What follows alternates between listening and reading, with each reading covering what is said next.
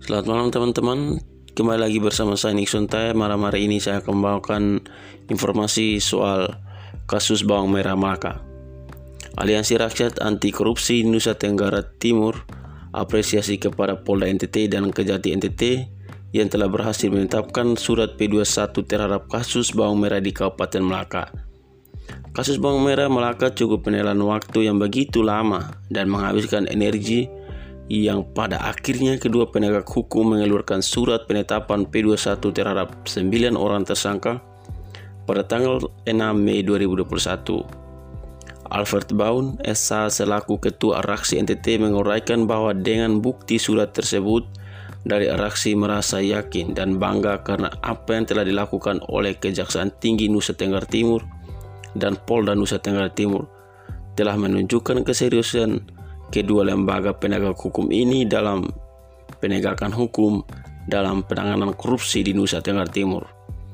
Ia menguraikan karena kasus bawang merah Melaka sejak tahun 2018, 2019, 2020 dan kini berada pada bulan Mei 2021 adalah waktu yang tidak lama.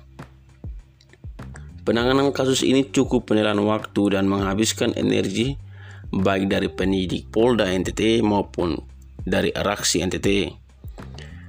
Dengan penetapan surat P21, Araksi berharap dalam waktu singkat akan dilakukan penyerahan tahap 2 dari penyidik Polda NTT untuk menjemput kembali 9 orang tersangka dengan secara undang-undang melengkapi dengan bukti dan dokumen para tersangka kemudian diserahkan kepada jaksa penuntut umum di Kejati NTT agar pada selanjutnya diagendakan untuk disidangkan.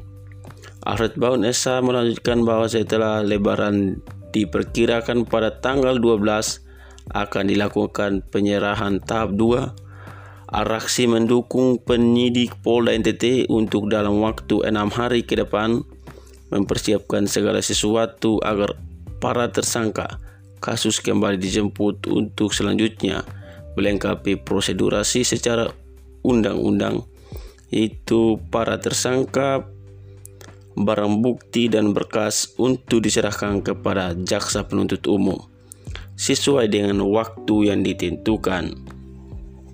Kupang Spektrum NTT Nixon Time melaporkan.